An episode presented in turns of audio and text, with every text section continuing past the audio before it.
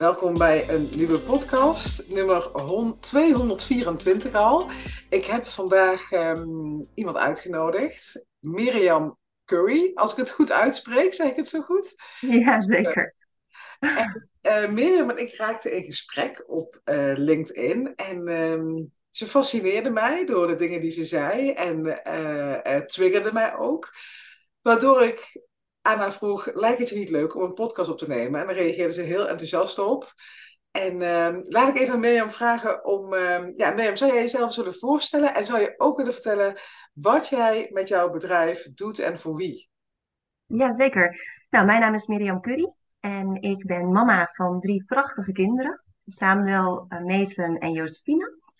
En uh, ik ben tot voor kort eigenlijk ben ik werkzaam geweest op verschillende HR en payroll um, posities binnen verschillende corporate organisaties, uh, waar ik verantwoordelijk was voor internationale arbeidsmigratie.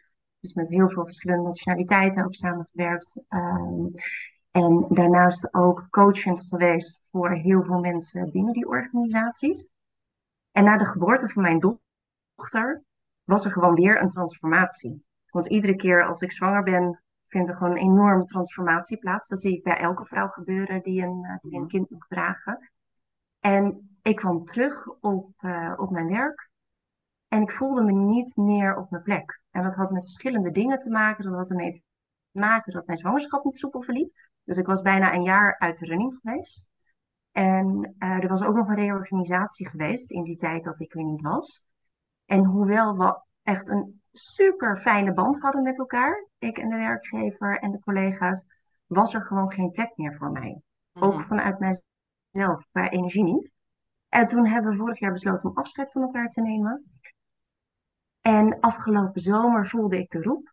Ik ben al jaren bezig met ook uh, coachingstrajecten voor mezelf, uh, persoonlijke ontwikkeling, maar ook voor zakelijke ontwikkeling, zodat ik andere mensen beter kan begeleiden. En ik ben en nu mijn eigen praktijk gestart om vrouwen weer te helpen schaamteloos te gaan stralen. Echt in hun eigen kracht te gaan staan, zichzelf te omarmen zoals ze zijn. Je hoeft niet te veranderen om te mogen stralen. Precies zoals jij bent. Alles zit al in je. Er zit alleen allemaal lagen en conditionering overheen. En met behulp van onder andere systemisch werk, reiki, uh, andere vormen van energetisch werk en mijn sterke intuïtie, ja, breng ik vrouwen weer terug bij zichzelf. En wat ik zelf heel fijn vind, is die combinatie van al die jaren in het bedrijfsleven, gecombineerd met de spirituele, energetische kant, die ik ook heb. Uh, om daardoor bij vrouwen echt weer die blokkades te kunnen doorbreken. En ook gewoon het besef te houden dat je ook bij jezelf kan zijn binnen het systeem, binnen het werken. Want uh, veel mensen denken dat je echt uit dat systeem moet gaan stappen om je eigen leven te kunnen leven. Maar dat geloof ik niet. Je kan ook je eigen leven leven binnen het bestaande systeem wat er al is. Ja. Nou, dat is een notendop wat ik doe. Mooi. En het is bijna jammer dat het een podcast is, want ik zie jou gelijk helemaal opleven als je dus inderdaad vertelt uh, met welke vrouw je samenwerkt en uh, op welke manier je dat doet. Um, en dat is ook gelijk wel een, een, um, een linkje ook naar uh, het onderwerp van deze podcast. Uh, ook omdat jij dus inderdaad bij HR hebt gewerkt in, in die, die, periode in loondienst. wij hadden het namelijk op LinkedIn, hadden we het over nou ja, het onderwerp wat mij niet loslaat, de loonkloof.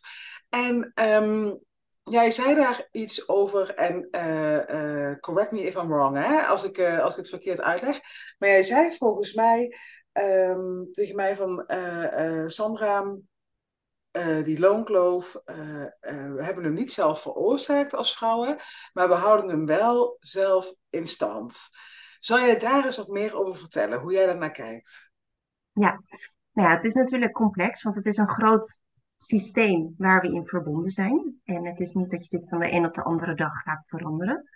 Maar wat ik gewoon heel veel zie, wat ik zelf ook heb ervaren, is dat door jezelf continu te vertellen, uh, ook maatschappelijk, collectief vrouwen elkaar continu te blijven vertellen, dat er een loonkloof is en dat wij vrouwen um, minder goed uh, beloond worden voor het werk wat wij doen, is een self-fulfilling prophecy. Mhm. Als jij je dat elke keer blijft vertellen, elke keer blijft herhalen, dan ga je ook niet die stap naar buiten maken, zodat je meer kunt gaan verdienen en zodat jij een grotere stap in salaris kan maken. En ik heb dit eigenlijk al heel erg jong ontdekt, dat die kracht in jezelf zit. En uh, dat het niet zozeer te maken heeft met diploma's. daar wordt heel erg op gefocust ook. wordt ook gezegd, ja, ongeacht de diploma's die wij hebben, wij krijgen nog steeds minder betaald dan dat de mannen betaald krijgen. Maar het zit daar dus niet in. Het zit echt in het stukje zelfliefde. Zelfliefde, eigenwaarde. En het systemisch verhaal van vrouwen die al jarenlang, eeuwenlang onderdrukt worden. Door onder andere, uh, nou ja, begon al bij de heksenverbrandingen, de katholieke kerk. Maar dat wordt generatie op generatie wordt dat doorgegeven. Mhm. Dus wij vrouwen vinden het lastiger om voor onszelf te gaan staan, om in ons eigen licht te gaan staan en te vragen waarvoor wij voelen dat wij daar ja, recht op hebben, vind ik een moeilijk woord, maar um, wat wij verdienen, wat wij mogen ontvangen. Mhm. En wij zijn slecht in ontvangen. Nou, en ik ben zelf iemand, ik, um, ik paste al heel jong niet in het systeem. Ik ben op 15-jarige leeftijd ben ik gestopt met de middelbare school. Uh, zonder diploma. Ik heb het gymnasium gedag gezegd en ik ben in de horeca gaan werken. Uh, complex familiesysteem ook. Dus ik heb ook, uh, ben jong op mezelf gaan wonen. Mhm. En toen ik een jaar of 22 was, leerde ik mijn man kennen. Ik woonde toen zelf nog in het noorden van Nederland en hij hier. En de salarissen in Groningen en in Amsterdam zijn heel anders. Er zit gewoon heel veel in en toen zeker. Ik herken het. Ik kom zelf uit Limburg en ik woon nu in Amsterdam. En er zit inderdaad een verschil tussen. Ja, en, en ook de maandlasten en dergelijke. Dus wat ben ik toen gaan doen? Mensen zeiden tegen mij, nou je moet maar alvast beginnen met het zoeken naar een baan, want dat gaat je nooit lukken zonder papieren. En ik dacht, nou ja, het is me altijd gelukt, dus waarom zou het niet, niet gaan lukken? En toen heb ik voor mezelf gewoon vastgesteld, wat wil ik verdienen? En wat ik netto wilde verdienen, in Amsterdam was wat ik bruto kreeg in Groningen. Mhm. En dat heb ik gekregen. Puur omdat ik voor mezelf voelde, dit is wat ik nodig heb om neer te zetten. Maar toch bleef ook bij mij een stemmetje, ik zat nog steeds ergens onderaan, bleef bij mij het stemmetje van ja, ik heb geen, uh, geen diploma's en iedereen vertelde me dat ook. Dus je, gaat je, je wordt kleiner. Ik werd kleiner. Uh, mijn man die had wel alles. Die was op zijn 23ste, had hij zijn master in accountancy gehaald. Dus al mhm. snel ging het bij ons van, oh, we gaan trouwen, kinderen krijgen. Um, nou ja, dan, dan moet jij maar meer gaan werken en ik meer met de kinderen thuis, want jij hebt een hoger salaris dan dat ik heb. En zo gezegd, zo gedaan, zo ging dat ook. Na ons, de geboorte van mijn eerste zoon, ruim negen jaar geleden. Um, toen ging ik drie dagen werken, mijn man werkte vijf dagen. En al gauw begon ik een dag thuis extra te werken. Want er was tekort op kantoor. Dus ik ging vier dagen werken, van één dag uit huis. Dat heb ik een paar maanden gedaan en toen voelde ik dat het niet oké was. Het was niet oké voor mijn zoontje dat ik dan thuis aan het werken was als hij er was. Hmm. En dat is eigenlijk het moment geweest dat ik toen echt besefte van oké, je moet erom vragen en je moet voldoende van jezelf houden hmm. om ook werkelijk ehm, te krijgen wat jij verdient. Want ik ben toen naar mijn werkgever gegaan en ik heb aangegeven, nou, ik kan gewoon niet meer die vier dagen werken. Dus die extra dag, die hebben we ook niet vast laten leggen, die trek ik weer in. Je hebt een maand de tijd om iemand anders daarvoor te vinden en dan is het klaar. En toen kreeg ik de vraag, kan jouw vent niet een dag minder gaan werken? Ik zeg, nou ja, dat is prima. Als jij het verschil in salaris bijlegt. Mm. Dat hebben ze gedaan. En dat, ik ben toen met ruim 40% in salaris gestegen zodat ik die extra dag kon gaan werken. En mijn man een dag thuis kon gaan blijven, maar we net al hetzelfde overbleven hadden.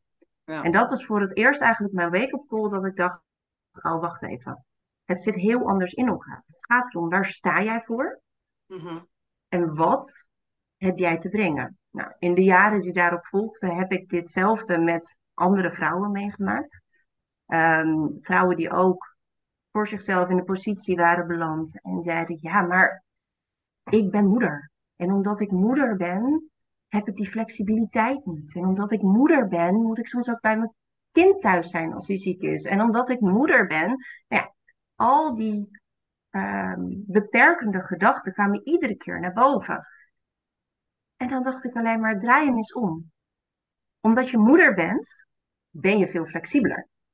Want niks is zo complex als een gezin draaiende houden. Kantoor is een, is een lachertje wat dat betreft. Want dan zit je met volwassen mensen. Je kan enorm goed schakelen. Je weet precies hoe je moet communiceren in bepaalde... Nou, en zo al, al die strengths die je als moeder zijnde hebt opzommen. En vervolgens ook in gesprek gaan met, nou ja, maar hoe zit dat dan? En hoe zat het bij jou thuis en met jouw moeder? En welke beperkende gedachten heb je daarin? En ik heb regelmatig uh, vrouwen daar dus gewoon in mogen helpen dat ze die stappen konden zetten. Uh, een vriendin van mij ook, die ging ook met een salarisverhoging van 45% naar een andere werkgever toe. Weer iemand anders die startte haar eigen organisatie. En um, inmiddels ben ik ook uh, opgeleid als systemisch coach. wat de meeste mensen als familieopstellingen kennen. Mm En van daaruit zie je gewoon hoeveel collectieve wonden er bij vrouwen zitten. En zolang jij daarvoor wegrent, dus voor je eigen schaduw wegrent, die stukken waar jij niet naar wil kijken, en het projecteert op de mannen of op het systeem of wat dan ook, dus dat je de schuld buiten jezelf legt. En schuld is een zwaar woord, maar de verantwoordelijkheid buiten jezelf legt, zal het feitelijk niet gaan veranderen. Want als jij tegen iemand anders zegt van, oh, maar de mannen zijn de oorzaak dat ik niet het salaris krijg wat ik zou moeten verdienen, geef je al je eigen kracht uit handen. En zie jij dat dan ook echt gebeuren? Dat vrouwen de schuld tussen aanhalingstekens bij de mannen leggen, uh, zonder naar zichzelf te kijken? Uh, ja, ik zie heel veel uh, gebeuren. Niet per se bij mannen hoor, maar bij het systeem. En nou ja, de, de blanke witte mannen worden natuurlijk genoemd. De, de, de Old Boys Network. en dat je daar niet tussen kan komen. Um, en dat is ook een perceptie die mensen hebben. Want toen ik nog op kantoor werkte en moest kolven bijvoorbeeld voor, uh, voor mijn borstvoeding. Ik heb nog nooit een man gehad die daar moeite, moeilijk over deed. Mm Nog nooit. Juist heel ondersteunend. Ja. En dat komt, dat, daar geloof ik echt ten diepste in, omdat het voor mij geen vraag is of ik mag gaan kolven dat het voor mij geen vraag is of ik die ruimte mag nemen. Nee, het is een gegeven dat ik als vrouw zijnde de enige ben die dat kan doen. Ja, ja ik, ik denk dat het, dat echt mooi is wat je net zegt. Hè? En uh, helemaal, uh, je hebt heel veel mooie dingen gezegd, maar helemaal platgeslagen. Denk ik dat het er uiteindelijk op neerkomt, uh, dat stuk zelfliefde. Als we onszelf gunnen om meer te verdienen, als we onszelf uh, toestemming geven om in jouw geval gewoon te gaan kolven zonder je daar bezwaard over te voelen, uh, dan trek je ook iets heel anders aan. En dan sta je ook heel anders uh, in de wedstrijd. Um, en dan ben ik ook heel benieuwd, hè, maar even heel praktisch. Want wat je dus vaak ziet gebeuren, wat jij net ook zegt, man en vrouw krijgen een kind, misschien nog een tweede kind. dan, dan is de, de som heel snel gemaakt als je kijkt naar de twee salarissen. Uh, Oké, die man die verdient meer, uh, die vrouw verdient over het algemeen minder. Vallen we in een traditioneel rolpatroon en gaat de vrouw over het algemeen een dag minder, twee dagen minder werken. En blijft die man of hij neemt die één dag, ook tussen aanhalingstekens, zijn papa-dag op en uh, werkt hij nog vier dagen. Dus dan, dan uh, zoals ik het zie, worden de verschillen dan heel snel duidelijk gemaakt. Hè? We hebben totdat die kinderen komen eigenlijk kunnen doen wat we willen, maar dan moet er een keuze gemaakt worden. En je hebt net hè, jouw eigen verhaal verteld, wat ik heel mooi vind, dat je inderdaad naar je werkgever zegt van nou, uh, nou uh, ik kan prima nog een dag extra komen werken, maar dan heb ik jullie hulp nodig, heel krachtig. Wat zou je tegen een random vrouw die nu zwanger is of die van plan is om een gezin te gaan stichten, hierover willen meegeven? Ik denk dat je eerst dan een ander onderwerp moet aansnijden. En dat is ook een impopulaire mening die ik daarover heb.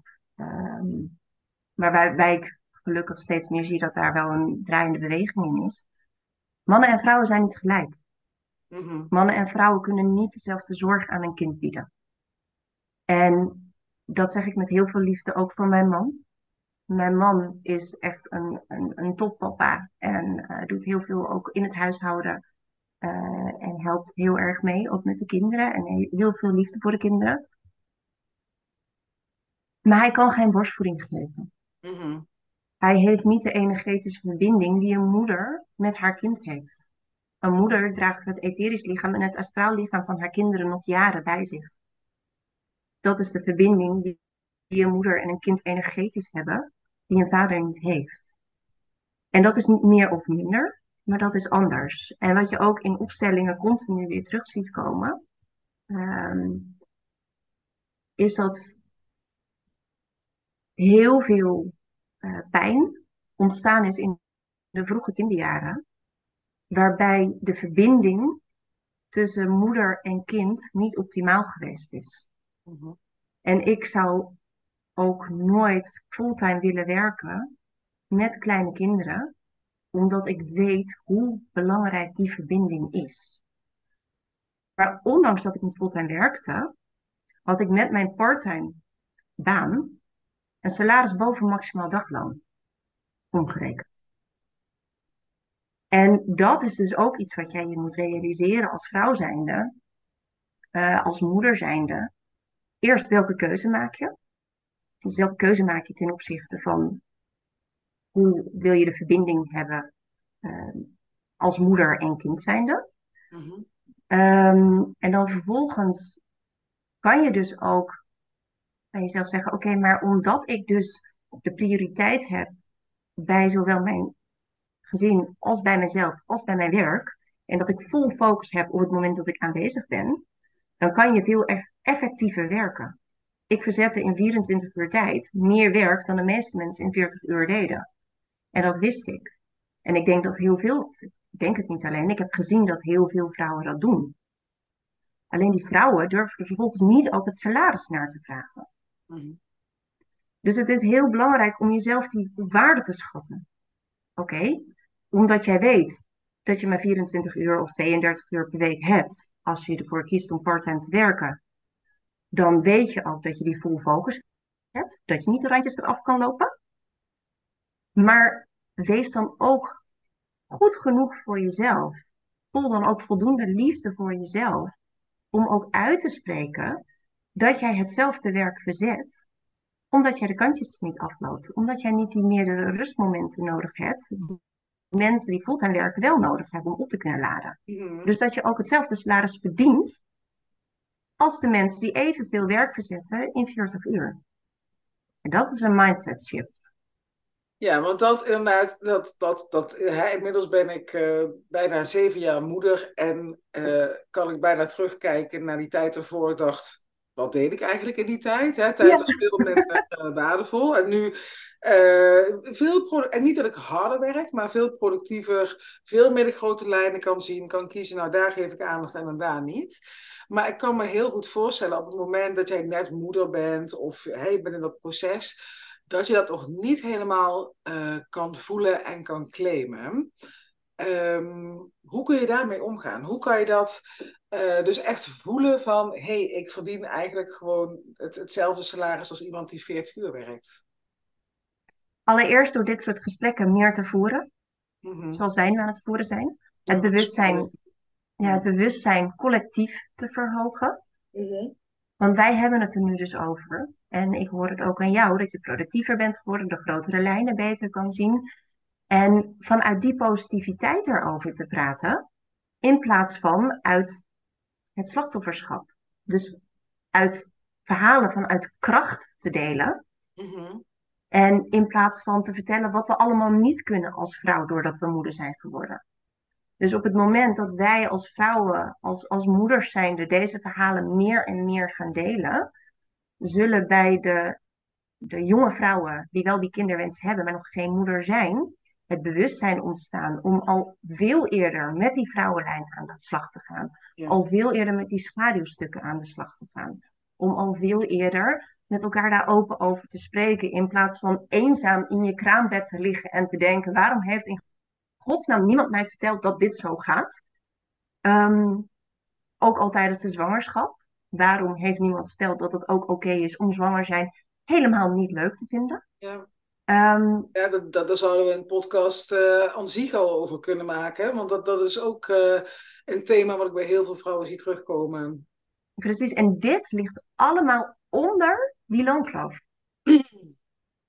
Ja, en tegelijkertijd, ik ben het met je eens, hè. En tegelijkertijd denk ik, dat klopt. Um, maar we hebben ook nog te maken met, um, nou, laat ik een voorbeeld noemen. Uh, we, hebben nog, we, wonen, we, leven nog steeds in een systeem waarbij vrouwen, uh, wat is het, 16 weken verlof krijgen en mannen, nou, ik geloof als je je uiterste best doet, dat je dan drie weken of zo uh, kan krijgen. Waardoor het, um, en dat heb ik zelf ook aan een lijve ondervonden toen ik uh, rond mijn dertigste ging solliciteren, hè, dat er dan toch wel eens tussen het neus en lippen door gevraagd werd van, goh, hoe denk je over kinderen? En dat je uh, daar toch ook tegenaan loopt. Hè? Hoe kijk jij daarnaar? Van de, zeg maar, de praktische belemmeringen die we hebben naast het verhaal wat we onszelf vertellen. Ja. Hoe ik daar tegenaan kijk is Um, als jij je ongemakkelijk voelt bij die vraag van je werkgever, moet je er al niet gaan werken. Ja, dat is een hele wijze les. Die heb ik heel, dat, dat uh, heel hard moeten leren, maar inderdaad, dat, zo simpel is het. Ja, ja, ja. ja dat één. Um, mijn laatste baan, ik zou een afdeling op gaan zetten bij een corporate immigration law firm. Nou, dat is een, een ja, harde wereld, een, een uh, harde uh, omgeving ik was binnen drie maanden was ik onverwacht zwanger van mijn dochter. Er stond echt geen dochter meer op de planning. Mijn zonen zijn negen en zeven. Zij is anderhalf. Ja. En nou, ik stond te trillen als een rietje om het te vertellen. Mm-hmm. Ook omdat ik zelf nog helemaal in shock was dat er überhaupt weer een klein meisje binnen in mij groeide. En die man die komt naar me toe. Dat was sowieso het allermooiste, want toen ik met hem een gesprek had en hij mij die baan aanbood toen zei ik tegen hem, ik zeg, ik wil best wel een afdeling voor je opzetten. Maar ik werk maar drie dagen, maximaal vier. En toen was zijn reactie, maar ik wil ook helemaal niet dat een moeder fulltime werkt. Mm. Dus dat was voor mij al voldoende Ja. om ja te kunnen zeggen tegen die baan. En toen ik hem vertelde dat ik zwanger was, toen was hij alleen maar ja, dat, dat kinderen het belangrijkste op deze wereld zijn. En dat wij vrouwen een tempel zijn en als moeder dat moeten dragen. En ik heb volgens mij de hele dag huilend op kantoor rondgelopen voor de liefde die ik ontving. Ja. Maar dat kwam dus al omdat ik bij het aannemen van de functie al heel duidelijk was over mijn prioriteiten. Ik ben moeder. Mhm. En ik weet dat het lastig is hoor, maar ik, ik ben sowieso iemand die natuurlijk jong op eigen benen is gaan staan. Dat besef ik mij ook. Dat ik daardoor veel stevig, steviger in mijn schoenen sta dan veel vrouwen die beginnen aan, uh, aan kinderen. Omdat ik al veel trauma's voor mezelf verwerkt had voordat ik überhaupt aan kinderen begon. Want dat is ook iets. Trauma's komen naar boven op het moment dat je moeder bent. Um, dus ik werkte toen bij een organisatie. Ik was toen 26 jaar. En ik werkte toen bij een organisatie, een hele fijne baan. En ik zou een vast contract ondertekenen. Toen kwam ik erachter dat ik acht weken zwanger was. En toen heb ik aan de mannen verteld, want dat was weer echt zo'n mannenwereld. Uh, detachering, offshore, internationaal kennismigratie. En um, ik zeg, ik kan alleen maar dat contract ondertekenen als jullie het weten.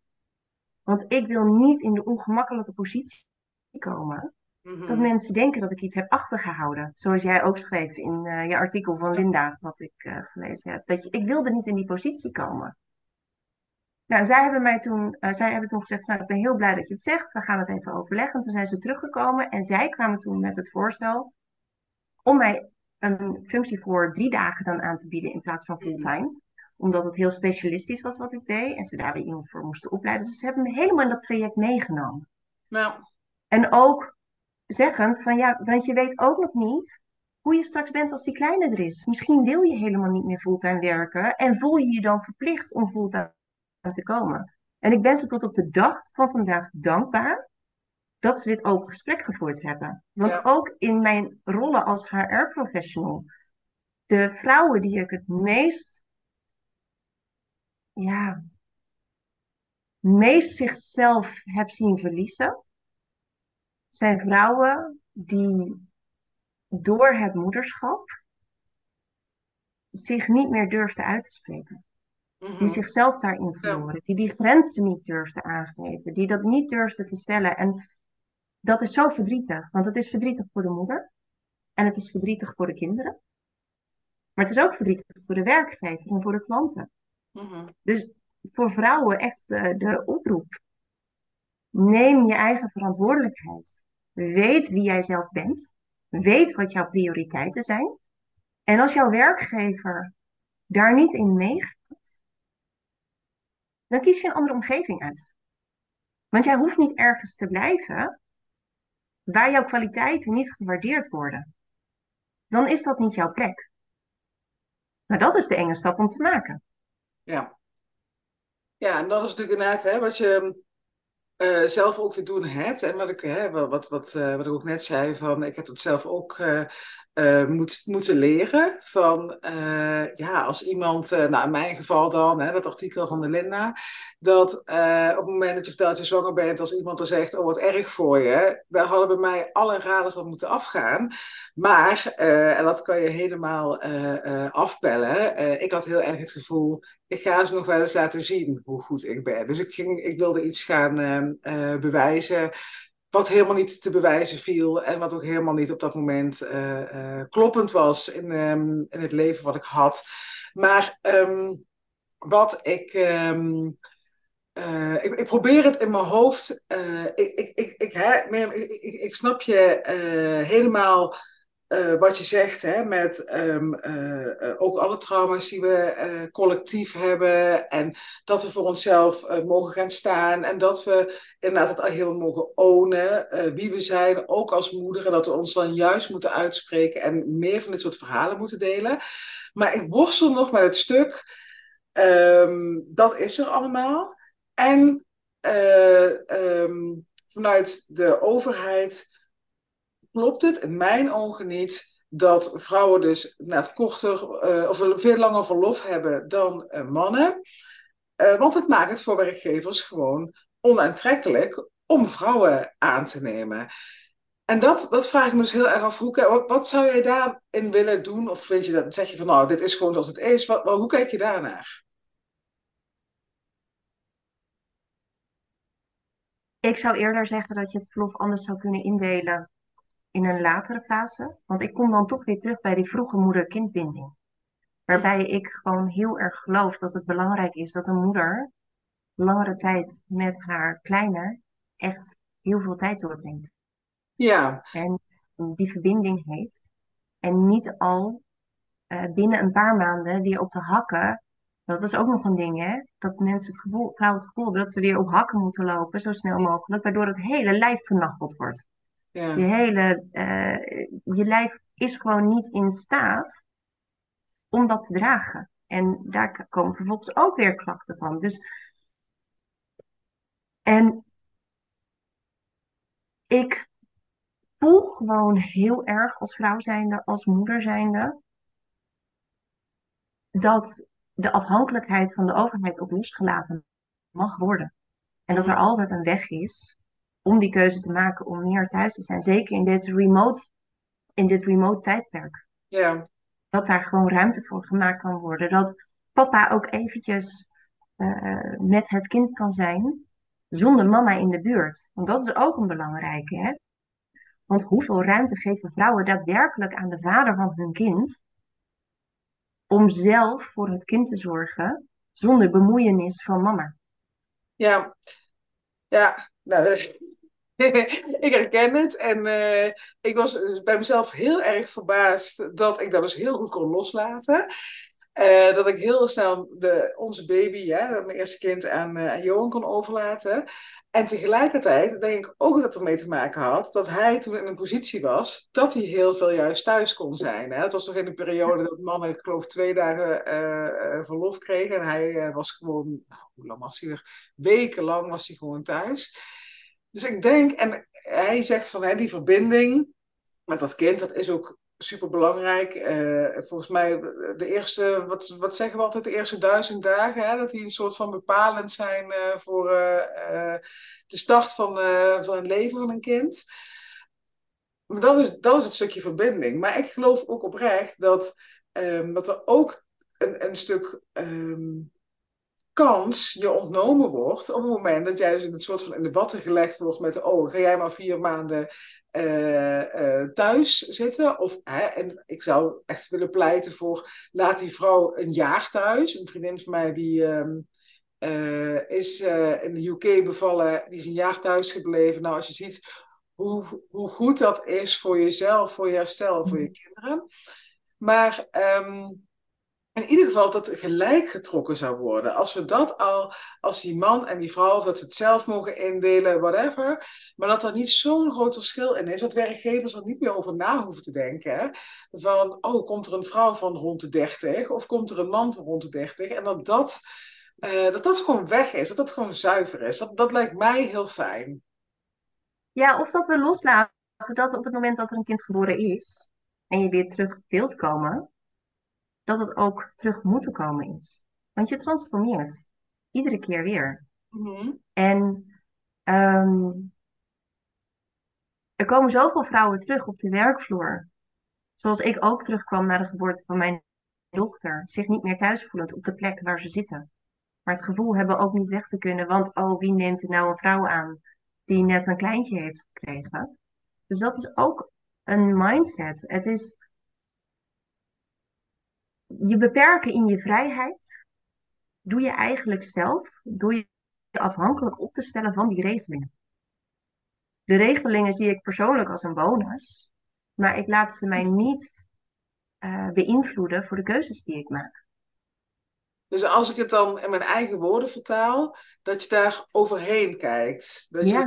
groter kijkt van hoe wil ik mijn leven indelen uh, en die, wat er dan aan regels en allemaal aan verbonden zijn, dat gewoon loslaten en het leven met je partner en je kinderen indelen zoals jij dat wil.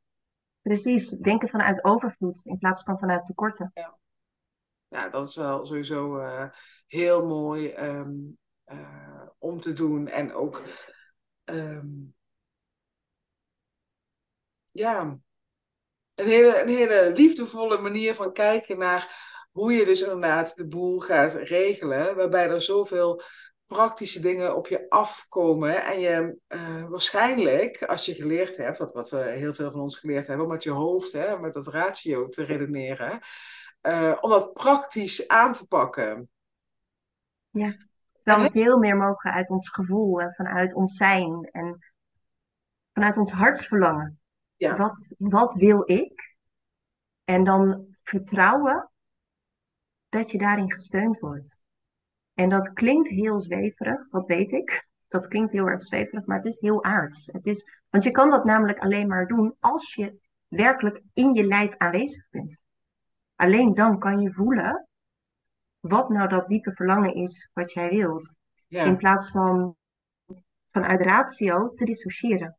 Ja. Ratio wordt als heel aards gezien. Maar door ratio verdwijn je vanuit het aardse. Ja. En koppel jij los van wie jij werkelijk bent. Ja, mooi is dat, hè? Dat, uh, dat spiritualiteit eigenlijk het meest aardse is wat er is. Alleen we doen erover, omdat we het geleerd hebben ooit, dat het allemaal heel uh, hocus pocus is. Ja. Um, en um, um, even een laatste vraag die ik jou zou willen stellen nu, Mirjam. Want uh, ik zou hier echt, ik merk dat ik gefascineerd raak, ik was helemaal zeg.